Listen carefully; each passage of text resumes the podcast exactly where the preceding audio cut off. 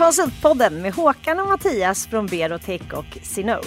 Äntligen en podd för dig i konsultbranschen. Vi är i en bransch som genomgår stora förändringar och det finns massor att snacka om. Häng med oss! Ja, Håkan. Ja, Konsultpodden är tillbaka. ja, det är så kul. Det är härligt igen. Eh, Men lite annorlunda eh, setup idag, eller hur Mattias? Ja, idag kör vi på distans för första gången. Eh, lite ovant, men eh, det ska ju gå i de här tiderna. Nu har vi ju kört ett antal videomöten, eller hur? Ja, det har vi verkligen blivit bra på. Men vi, det, vi har inte gjort det i det här formatet ännu på podden, så det ska bli spännande att se. eh, Och det kommer säkert gå jättebra. Vem är det vi har med oss idag då, Mattias? Ja, nej, men vi, vi ska ju fortsätta lite med, det är ju, eh, som ni vet, en pandemi som pågår och vi hade ju en fantastisk gäst förra gången, pratade om krishantering och eh, nu har vi bjudit in eh, ja, trendmänniskan i Sverige, Henrik Larsson Broman som har skrivit Supertrenden och så vidare. Så varmt välkommen, Henrik. Ja, men stort tack. Det är fantastiskt kul att få vara med. Ja, jätte... Hur mår du idag? Ja, men jag mår alldeles fint. Eh, har inte råkat ut för några eh, sjukdomar. Så, så att, eh, jag har tuggat på här och eh, man får väl vara tacksam för det. Mm. Vi kan bara börja med det här. Hur, hur, hur, hur kom du in på trender och berätta om ditt, ditt stora intresse? Jag, jag har alltid varit, eh, om man får skryta lite, då, väldigt duktig på att skriva och eh, analysera. Så det var ju min stora gren i skolan, att skriva eh, examensarbete och liknande. Sen, sen kom jag in, halkade in lite på ett eh, bananskal just kring, kring försäljning, började jobba med försäljning, sen började studera sälj och marknadsföring.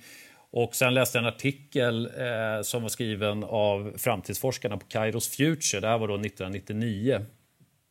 Och eh, då tyckte jag det där lät kul, just kring det här med omvärld och hur man kan studera framtiden.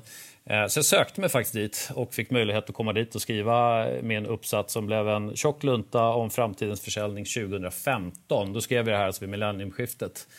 Eh, och där passade jag väldigt väl in. Jag tyckte det där var superkul och sen så började jag forska och driva studier om just trender och eh, hur man blir framgångsrik inom, inom försäljning. Så att eh, det blev min start eller karriär i, eh, i näringslivet.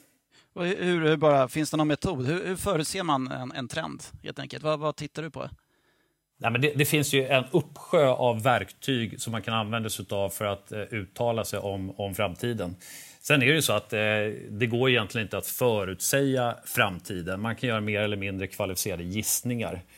Eh, och det, men det handlar egentligen inte om att förutsäga framtiden. Det handlar mer om att förbereda sig för framtiden. Eh, och det är ju superaktuellt i, i dagens situation att försöka förstå vad som kan komma att hända i framtiden och hur det här kan påverka oss genom att bygga upp olika typer av scenarier av, av framtiden. Eh, så att det är väl mer aktuellt än någonsin.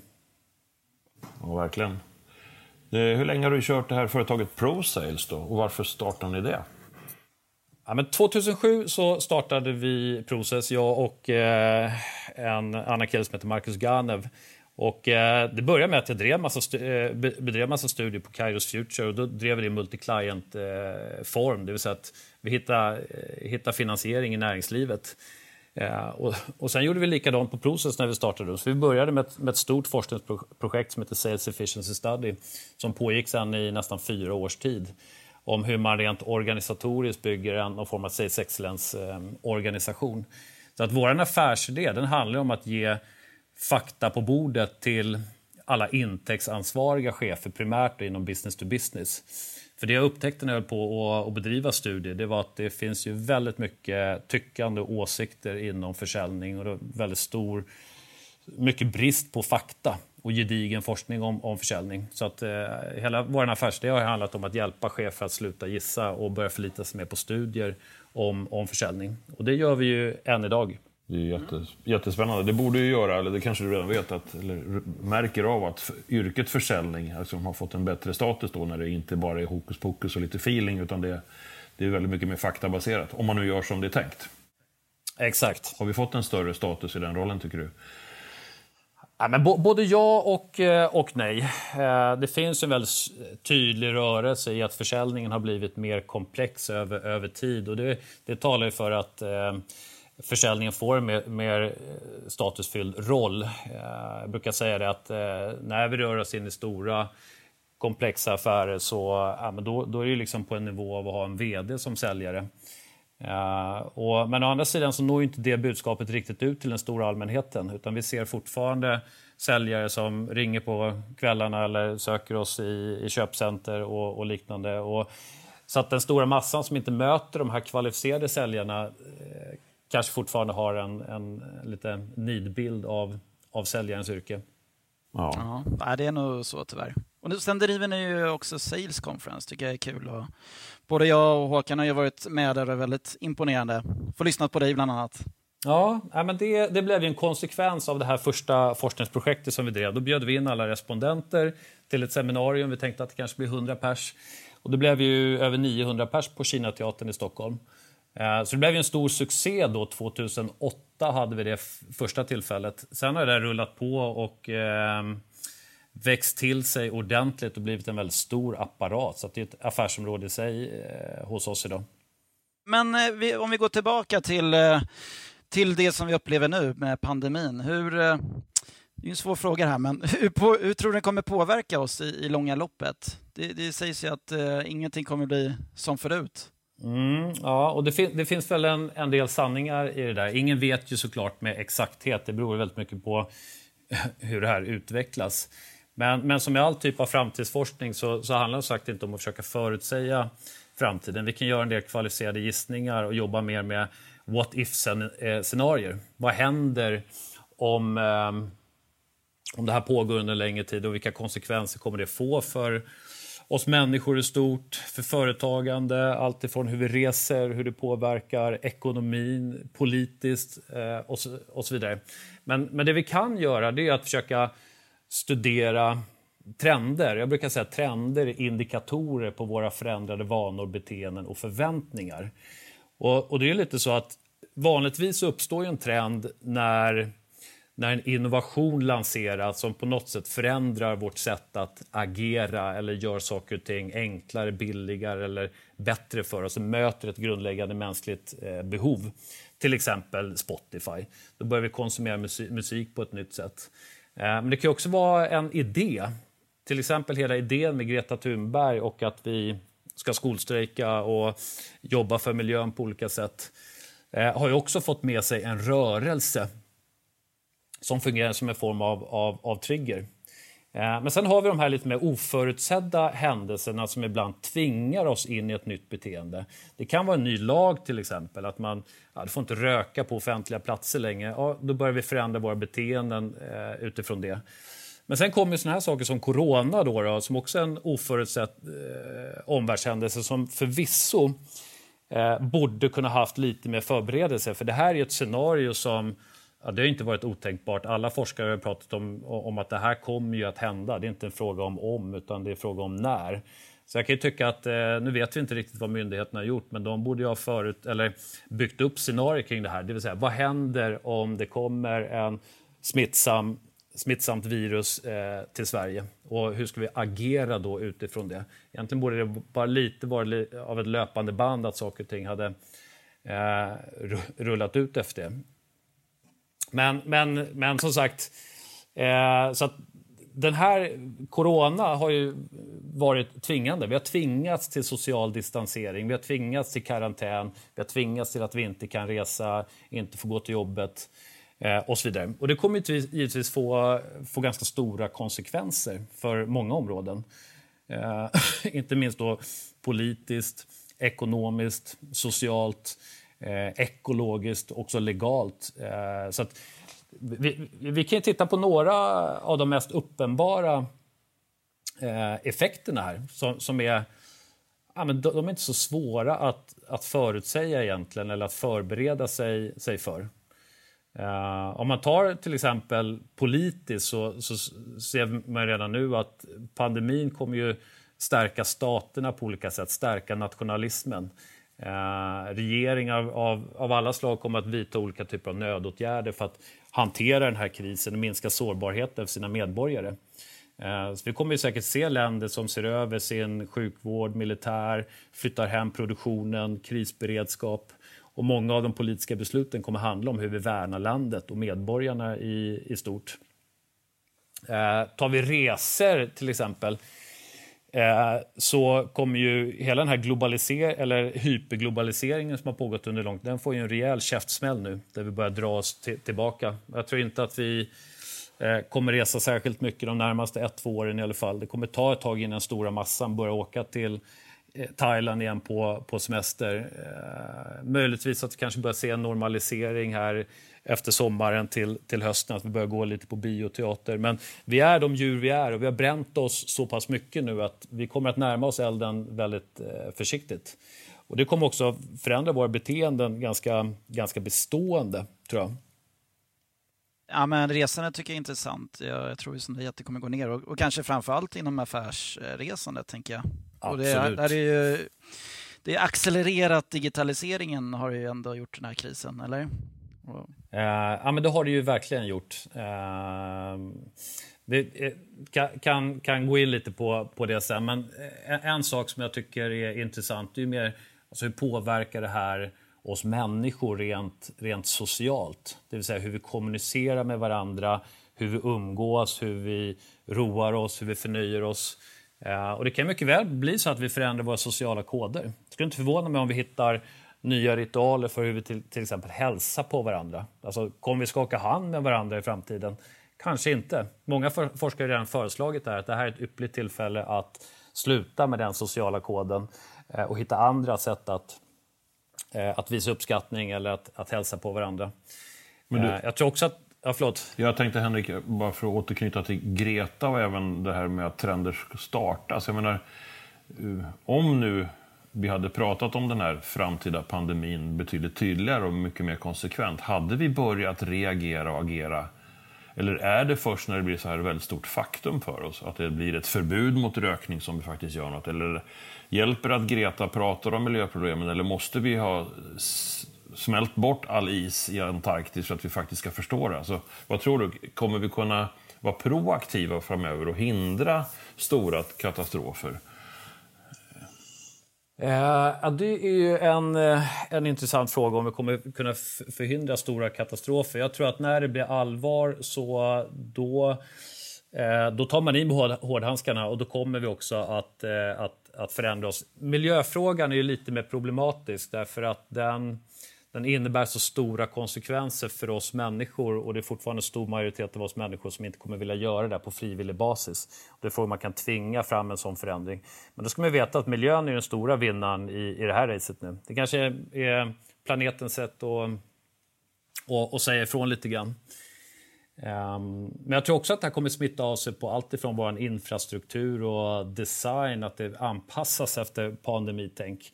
Eh, förmodligen kommer vi se alltså allt från hissknappar och dörrhandtag och displayer och allt sånt där som vi vidrör hela tiden i det offentliga rummet. Det kommer uppfattas som väldigt förlegat. Eh, det kommer ersättas med mycket röststyrning, rörelsesensorer eh, eller att man bara håller fram fingret framför skärmen eller knappen utan att, att beröra. Vi kommer se en sån explosion tror jag. Liksom, tekniken finns ju redan där. Eh, men när en sån här omvärldsfaktor dyker upp då, då, då drar iväg en, en, en sån trend och skapar en rörelse. Mm. Men lite, vi var lite inne på det förra avsnittet, men hade den här pandemin eh, hänt liksom på 80-90-talet, hade vi, hade vi agerat annorlunda tror du? Då fanns inte videosamtal och så vidare. Hade vi bara kört på det som vanligt? Eller? Jag, tror inte att vi hade eh, agerat annorlunda. Nu, alltså, tekniken skapar ju förutsättningar och möjligheter. Möjligheter som inte fanns på 80-talet. Då kunde vi inte kommunicera på distans. Jag tror att konsekvenserna hade blivit mycket mer dramatiska om det här hade skett på 80-talet. Eh, rent ekonomiskt eh, och socialt för, för den delen.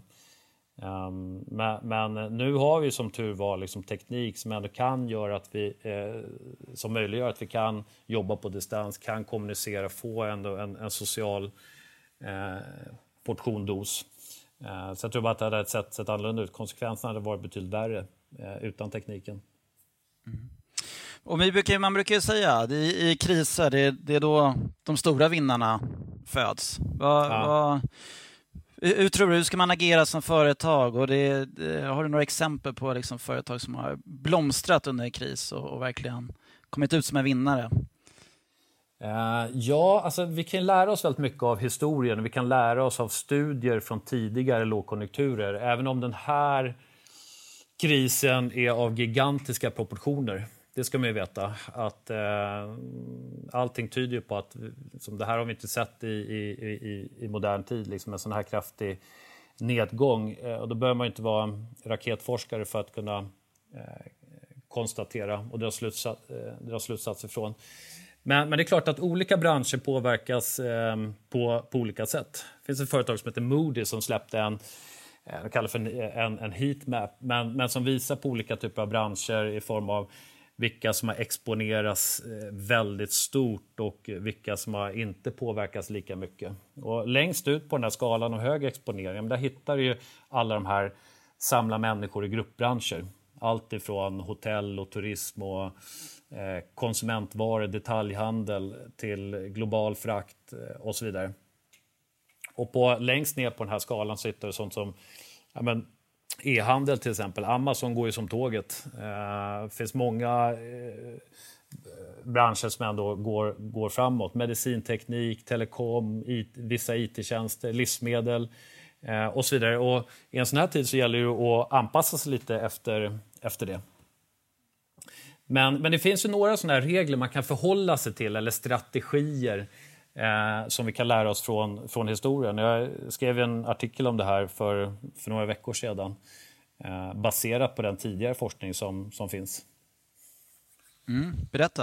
Uh, ja, vi kan ta dem lite, eh, lite snabbt. då. För Det finns några saker som handlar om vår mentala inställning. Det är ju så att det, det är lite som en om man nu pratar börsutveckling, det är väldigt mycket psykologi i, eh, i, en, i en lågkonjunktur när sånt här händer. Sen ska man inte förringa att eh, det här är dramatiska konsekvenser som, som inte, många saker vi faktiskt inte kan påverka. Men som organisation så brukar jag säga att den första strategin handlar någonstans om att bestämma sig. Oavsett hur tufft eller svårt det är så måste man sätta ner foten och bestämma sig för att man ändå ska klara sig igenom det här. Uh, och det finns en del såna bra exempel som till exempel Sam Walton då, som är grundare av Walmart. Vid en tidigare lågkonjunktur så, så fick han just en fråga om vad han, vad han tyckte om, om lågkonjunkturen. Och hans svar på det var, det var att eh, jag tänkte på det och beslutade att vi inte skulle delta i den. Uh, och, och, det handlar inte bokstav, det, det, handlar inte bokstavligt om att inte delta i lågkonjunkturen, för det är ganska svårt. Det handlar bara om ett mentalt ställningstagande och att våra medarbetare, vår omgivning måste känna oss trygga i att vi ska klara det här. Sen kommer vi säkert behöva varsla personal och, och, och göra massa saker. Eh, men, men, men den hänger också ihop med, med, nästa faktor som jag då kallar för att ingjuta framgångstro. Så man, man, kan inte låta negativa tankar eh, frodas. Uh, och i, i normalläge så vet vi det av de studier som vi har bedrivit på tusentals säljare i, i Norden så vet vi att framgångstro är en av de viktigaste faktorerna för att lyckas inom, inom försäljning. Och i en ekonomisk nedgång så blir den här faktorn ännu mer viktigare. Så om, om, man tänker sig följande att en genomsnittlig person har mellan 12 000 till 60 000 tankar per dag. Eh, av alla de tankar vi har så är 80% negativa.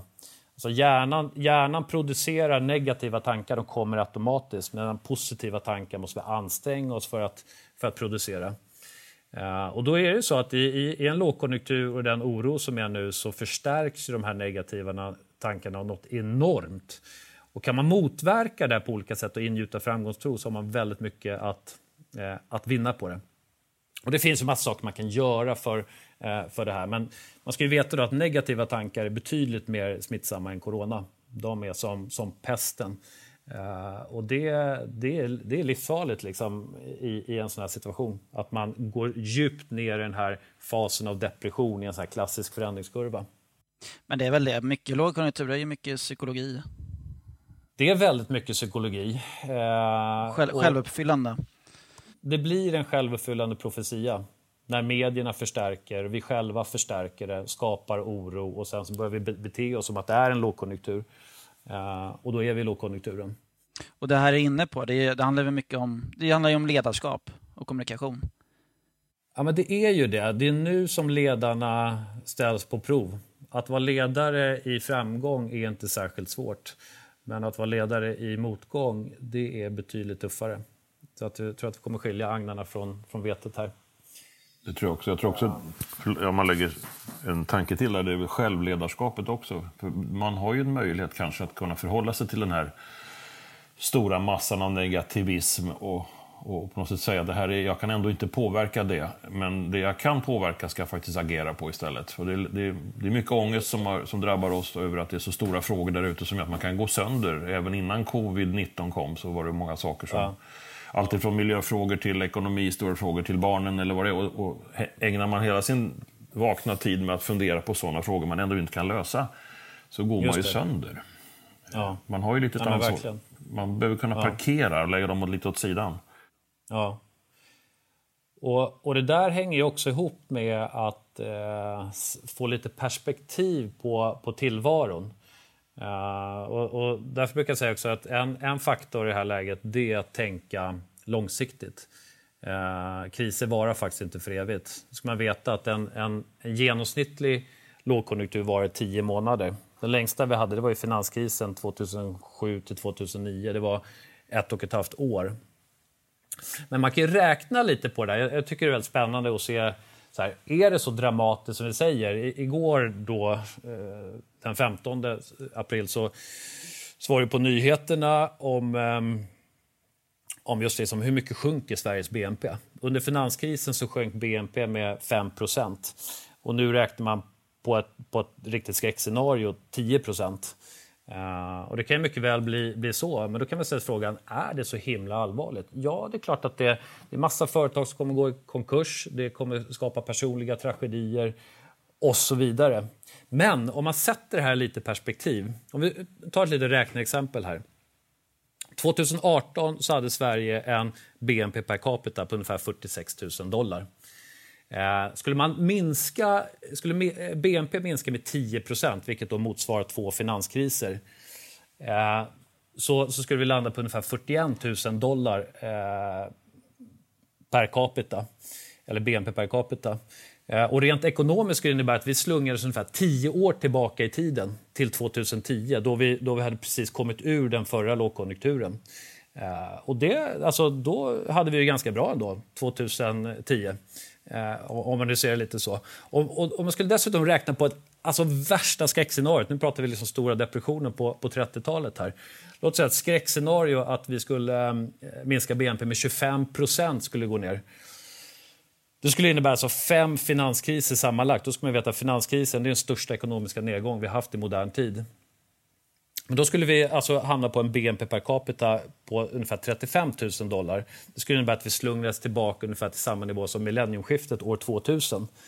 Eh, och det är klart, det är väl inte önskvärt att hamna på samma ekonomiska nivå som år 2000.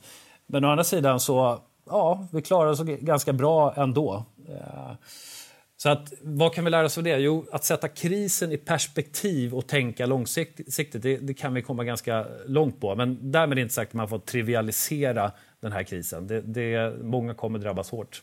Och kan det vara så att de här, jag tänker efter finanskrisen så har vi haft den, den högsta tillväxten också. Kan, kan det vara så att eh, ju, ju djupare kris desto snabbare går det uppåt? Så kan det mycket väl vara. Eh, att eh, när det väl vänder, för det är inte fråga om, som sagt, eh, om det kommer att vända, utan när det faktiskt vänder. Vi, vi har ner, ner uppgångar. Ekonomin är upp och ner, det ska man veta. Och vi var på väg in i en lågkonjunktur innan corona kom. Sen har den här förstärkts och, och, och tripplats, men, men det, det, är en annan, det är en annan historia. Ja, men jag tycker det är bra att du sätter det i perspektiv. Det bort de pessimistiska tankarna. Um, och, och det handlar väl om, eh, om att gasa, men kanske bromsa och samtidigt? Ja, precis. Eh, för det, det, finns en del studier just, just kring det också. Bain Company gjorde en studie från förra finanskrisen eh, och beskrev det, en, en bra metafor. För de beskrev det som att Tänk på lågkonjunktur som en skarp kurva på en tävlingsbana. Tänk dig en Formel 1-bana. Där de bästa förarna de bromsar in ganska kraftfullt innan själva kurvan. Och sen så svänger de hårt ut mot kurvans topp och sen så accelererar de kraftfullt. Och det, det, kan man göra en, eh, en parallell då till, till näringslivet. Att de bästa företagen de bromsar in väldigt snabbt. När man börjar se det här, shit det börjar komma en kris, corona kommer eh, sprida sig, det kommer få massa konsekvenser. Då bromsar man in, tar fram den, den korta listan på olika projekt som måste initieras. Vilka kunder ska vi bearbeta? Vilka kanaler ska vi använda? Hur behöver vi förändra våra, anpassa våra erbjudanden och så vidare. Och sen när man ser att det börjar att liksom den, den värsta svackan har, har lagt sig, då accelererar man kraftfullt. Och det är ju många företag som blir fast i det där, apropå att man hamnar i någon form av depression och passivitet.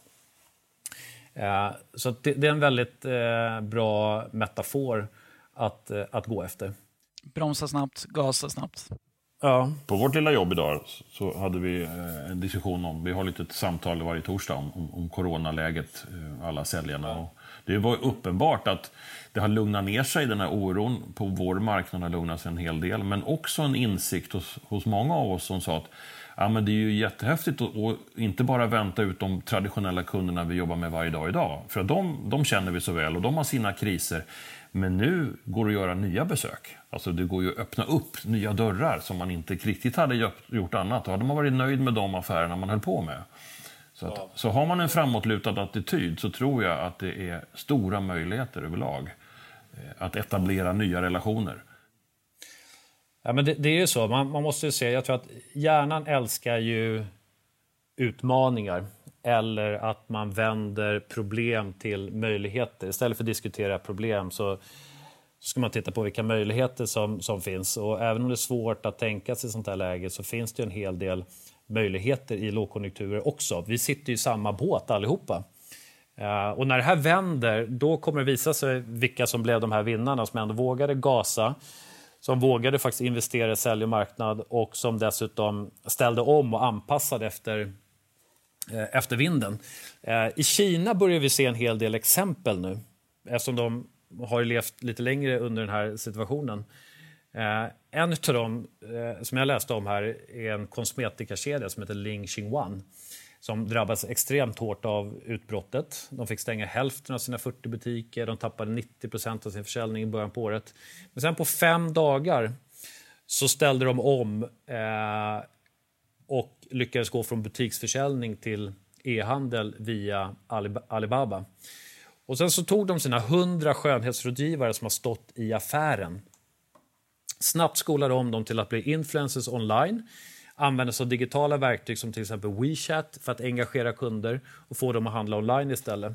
Eh, så här har man inte bara lyckats rädda en krissituation, man har alltså ökat försäljningen med 200% jämfört med eh, samma period förra året. Eh, så att även de mest drabbade branscherna och företagen eh, finns det ju framgångsexempel som man kan, kan lyfta fram och som man kan bli inspirerad av. Ja, häftigt. Häftigt. Finns det någonting du kan eh, tipsa oss som lever i konsultvärlden? Vilka möjligheter? Vi har nästan berört dem nu, men har du några, några riktigt råa, heta grejer som, som vi i den här världen vill tänka på? Alltså jag, jag tror att de, de här framgångsfaktorerna eh, gäller ju oavsett egentligen eh, vilken typ av bransch. Eh, men sen, sen ska man ju veta att i en lågkonjunktur så minskar efterfrågan på konsulter. Eh, samtidigt som efterfrågan på omställningstjänster ökar. Och det kan mycket väl bli så att gigekonomin relativt sett får ett uppsving i det här. För att istället för att ta in konsulter i stora, större projekt så tar man in specialister vid behov för tillfälliga problem och, och utmaningar. Och det här kan mycket väl hålla i sig när det väl vänder, att det blir också en, en ny normalitet. Det vill säga att vi tar in konsult, eh, konsulter eh, utifrån de specifika tillfälliga behov vi har. Så man tänker sig nu att ungefär 30 procent av arbetskraften i Sverige arbetar helt eller delvis inom gigekonomin. Jag tror att det där kommer bli fler, även om vi ser en, en, en nedgång generellt sett för, för alla konsulter. Eh, så när den här coronakrisen blåser över så kommer företag söka mindre riskfyllda anställningsformer för att vara mer flexibla. Eh, och, då, och då är det ju faktiskt så också att det finns ju saker som driver på det här redan före coronakrisen. Eh, utifrån ett individperspektiv så handlar det mycket om frihet och, och, liknande. Men utifrån ett företagsperspektiv så handlar det om transaktionskostnader. För historiskt sett så har det varit väldigt dyrt att för varje given arbetsuppgift leta personal, anställa dem, förhandla om lön, sätta dem i arbete.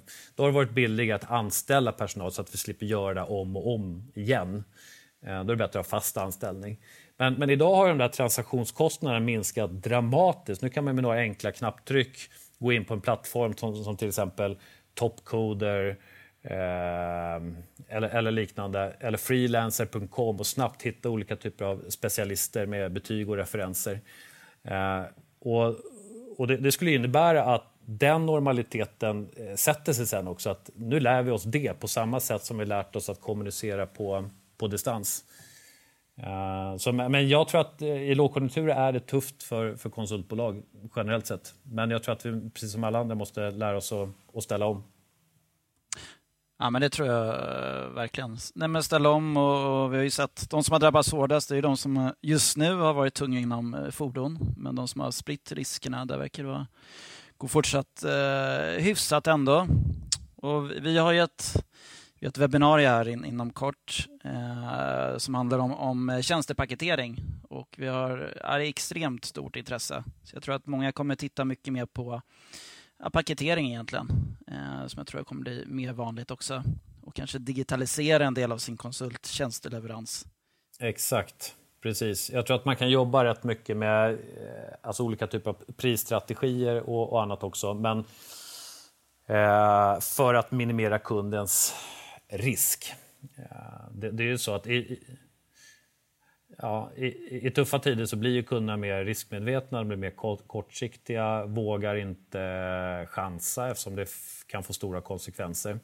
Så då, då handlar det snarare om att verkligen säkerställa att de problem som kunderna har precis här och nu, oavsett om man jobbar inom flygbolag eller jobbar på Amazon. Ta Amazon, de, har ju, de anställer 100 000 människor just nu. Eh, och, och har problem med leveranserna. Ja, kan vi ställa om och erbjuda värden som hjälper dem med de problemen, trots att det går väldigt bra för dem, eh, så, så kan vi bli relevanta för kunderna. På samma sak kan man tänka sig butikskedjor, om det är H&M eller om det är bolag inom hotellnäring och grejer. Vi kan hjälpa dem att bli mer kreativa, hitta nya kanaler att, eh, att nå ut, eh, använda deras personal på ett vettigt sätt. Så det handlar om att rent mentalt ställa om vilka värden kan vi verkligen skapa för kunderna och vilka risker eh, upplever kunderna så att vi kan hjälpa dem att minimera dem. Och där, konsultbolag har ju på ett sätt lättare att ställa om till det snarare när man sitter med fastlåsta produkter som kräver eh, utveckling och annat för, för anpassning. Så att det finns en hel del möjligheter också. Ja, verkligen. Det som jag tycker är intressant med corona det är att vi ser, vi ser de här, alla de här goda initiativen. Eh, empatin och företag vill hjälpa till och inte minst i konsultbranschen. Och det har kanske varit en, en trend som jag vet du har pratat om, business by empathy. Tror du att eh, corona liksom växlar upp den här trenden ännu mer? Ja, men det har vi ju verkligen eh, sett. Eh, för den, den, har ju fått en rejäl skjuts från, från hela den här pandemin. Och då brukar jag säga att business by empathy det handlar om att använda sig av empati eh, som ett verktyg för innovation, tillväxt och ett sätt att särskilja sina produkter, tjänster och sitt varumärke från andra. Det vill säga man lägger på en ny dimension på sina tjänster eller på sitt för företag. Eh, och nu är det så att nu sitter vi alla i samma båt. För första gången i historien så har vi en gemensam fiende, det vill säga corona. Eh, och på ett sätt kan vi säga att vi har en gemensam bataljon också som ska försvara oss mot, mot fienden, fienden. Och det är allt från läkare, alla inom sjukvården, eh, myndigheter, experter och alla, alla, andra funktioner som har fått ett viktigt ansvar att bära upp samhället i kristider. Eh, och det kan även vara allt från sophämtare till hemtjänst och alla som jobbar i mataffärerna och så vidare. Då ska man veta att alla kriser så föds det också hjältar och förlorare. Någon kommer få skulden för det här. Eh, men vi kommer också se en massa olika typer av hjältar. Eh, och då, då är det så att många företag använder det här eh, empati eller business by empathy för att lyfta fram de här hjältarna på, på olika sätt. Eh, och det ser vi massvis med exempel på nu, som företag som vill stötta och, och hjälpa till, både människor som har blivit drabbade, smittade, företag som hamnar i ekonomisk kris eh, Eh, och så vidare. Eh, så ta bara de här, ta butikskedjan Sära till exempel. Som, ja, men de har drabbats jättehårt. De måste stänga 4 000 butiker. Eh, trots det så lägger man närmare 3 miljarder på att ställa om produktion för att istället tillverka ansiktsmasker. Det är ett sätt att visa empati. Och många mer följer med det här. Det är Hennes Mauritz, Mauritz och det är Volvo och det är Ralph Lauren och så vidare. Google skänker 800 miljoner dollar i kampen mot corona. Alltså, det där kommer hänga kvar. Det bygger förtroende. När vi tittar på det här backspegeln sen, vilka var det verkligen som hjälpte till? Vilka ville göra någonting? Och det kan vara små insatser också. Byggmax som erbjuder fri hemkörning till personer över 70 år. En liten men fin liksom, eh, empatisk gest. Eh, Pressbyrån och sätter ut sina skyltar och bjuder alla hjältar inom vården på kaffe och valfri fika.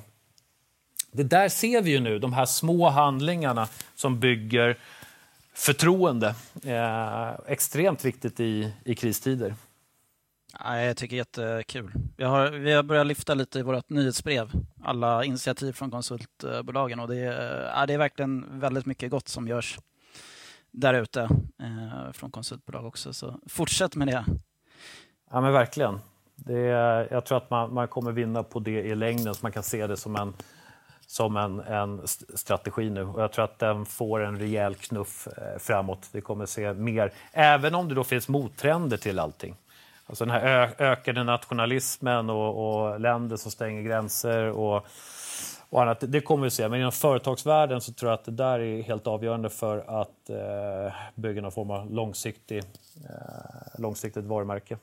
Det tror jag också. Min spaning är någonstans att jag var ganska naiv och tänkte att vi levde i en struktur som var ganska rigid och hållbar över tid. Men det är otroligt tunna trådar som har hållit ihop hela det här ekosystemet. Och det blir väldigt uppenbart att vi har ett stort behov av alla i det här systemet. Mm. Ja, och då respekterar man alla lika högt helt plötsligt, tänker jag. När du pratar om eh, sophämtaren eller, eller hemtjänstpersonalen som på något sätt just nu är hjältar, men har alltid varit det, men vi har inte riktigt brytt oss om det. Så jag tror att, jag, jag tror. Det finns en anledning att gå från det individuella till det mera eh, kollektiva sättet. Eh, och hoppas att det kan hålla i sig ett, ett tag. Kanske ja. inte för evigt, men eh, verkligen. Nej, men som, som konsultverksamhet så kan man fundera på vad man själv kan, kan bidra. Och helst ska det ligga som en ådra i, i organisationen, att man redan har ett sånt tänk från, från början. Det vill säga att man har ett högre syfte om att kunna bidra till en bättre värld. Och nu har man verkligen ett, eh, ett läge att göra det. Men det måste vara äkta givetvis. Absolut, absolut. Ja, men härligt, bra summerat. Vi, jag summerar, optimism behöver man, man, man ha. Eh, gasa och bromsa samtidigt. Eh, jobba med, med empati. Så, så kan vi klara oss ut där. Har du några slutliga tips till konsultbolagen där ute, ledarna? Eh, ja, men det är en fantastiskt bra, bra, bra, bra fråga. Nej, men jag, jag tror att någonstans så Alltså vi, vi, har alltid, vi lever i en snabbt föränderlig omvärld och vi har alltid behövt anpassa oss på olika sätt. Men, men, men, nu kommer det verkligen till, till kärnan vilka som, som har en utvecklingsorienterad kultur och snabbt kan ställa om. Det är de vi kommer se som vinnare efter det här, när det väl eh, vänder. Härligt! Ja, men stort tack eh, Henrik. Och vi brukar alltid ha en sista fråga. Någon, någon tips på framtida gäst i Konsultpodden? Jag tycker att det, ja, det finns nog många som jag skulle vilja rekommendera. Och, och det är klart, liksom, går man på de här lite mer välkända varumärkena så jag har ju själv några eh, som, är, som inspireras väldigt mycket om. Jag tycker Mikael Dahlén är fantastiskt intressant att, att lyssna på. Ni kanske har haft med honom eh, tidigare i den här podden. Eh, men det är ett namn som, är, som... Jag gillar de här eh, mycket forskare och analytiker som, som breddar hela tiden och kommer med nya, nya insikter gång på gång. Och han är en sån person. Mm. Jättebra tips. Honom har vi inte haft med. Så det, mm. Nej, han har vi inte haft. Håkan, har du några slutord? Ja, men jag är klart, det är alltid härligt att träffa inspirerande människor och nu träffades vi digitalt. Det verkar funka bra. Eh, jag känner att jag känner också den här positiv känslan av att välja väg, att, att inte gå ner sig i diket och säga att nu är det kört och nu är vi deppiga och nu kommer det aldrig bli bra igen. Jag blir inspirerad av Henrik att tänka att eh, det, det, det handlar om att ingjuta en tro på framtiden. Och då, jag tror de här kriserna kanske kommer komma oftare. Det här, vi, vi kommer lära oss att vi behöver liksom inte vara så naiva längre. Vi måste vara beredda på lite förändringar hela tiden. Mm. Eh, mm. Och jättehärligt att få de här perspektiven i de här BNP per capita-grejen. Det gör ju att så jättehemskt kommer det inte bli, även om det blir hemskt. även om vi inte ska backa tillbaka. Det är många människor som kommer att bli utsatta för stora problem, men jag tycker ändå inte att det, världen kommer inte att gå under. Det är väl så. Stort Nej, tack, Henrik. Det kommer komma mycket gott. Ja. ja. men stort tack eh, för att jag fick vara med. Fantastiskt. Stort tack, Henrik. Tack ska ni ha. Tack allihopa. Lycka till med allting. Ta hand om er. Ta hand om dig. Det här var det 31 avsnittet av Berotech och Synods Konsultpodden. Du hörde Håkan Mild Svensson, Mattias Lotsi och dagens gäst Henrik Larsson Broman. Henrik är forskare och grundare av ProSales Institute och även trendexpert. Den här gången producerar Septemberfilm via ett digitalt verktyg